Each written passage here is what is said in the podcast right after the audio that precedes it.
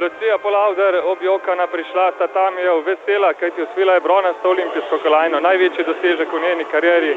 Lucija Polavder, čestitke za imenitno borbo, zdržali ste do konca, ohranili drobno prednost in veselite se bronaste kolajne. Najlepša hvala za čestitke. Moram reči, da sem zelo tako vesela. Oh, oh, ne vem, kaj naj povem. To je res sanje vsakega športnika, da osvojijo medaljo in meni so se uresničile.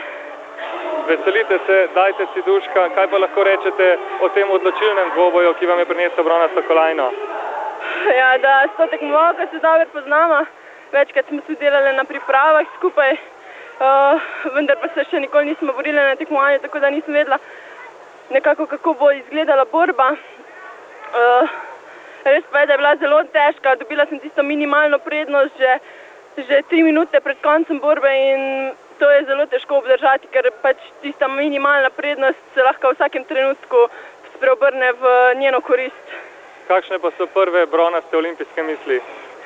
Oh, ne vem, tukaj mi je bilo res lepo, uh, seveda pa pod vodstvom trenerja Marjana Fabjana, uh, klubskih kolegov Urške, Rokija in vseh ostalih v naši delegaciji. Uh, moram reči, da je bilo enkratno preživeti uh, zraven njih uh, te olimpijske igre.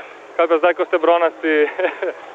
O, ne vem še, pojutrišnjem se odpravljamo domov in ko mi čakam zaradi tega, ker pač na tisti dan, ko prijemo domov, praznuje mamica rojstni dan in ji bom lahko dala to za darilo. Se boste skupaj veselili? Ja, vsekakor.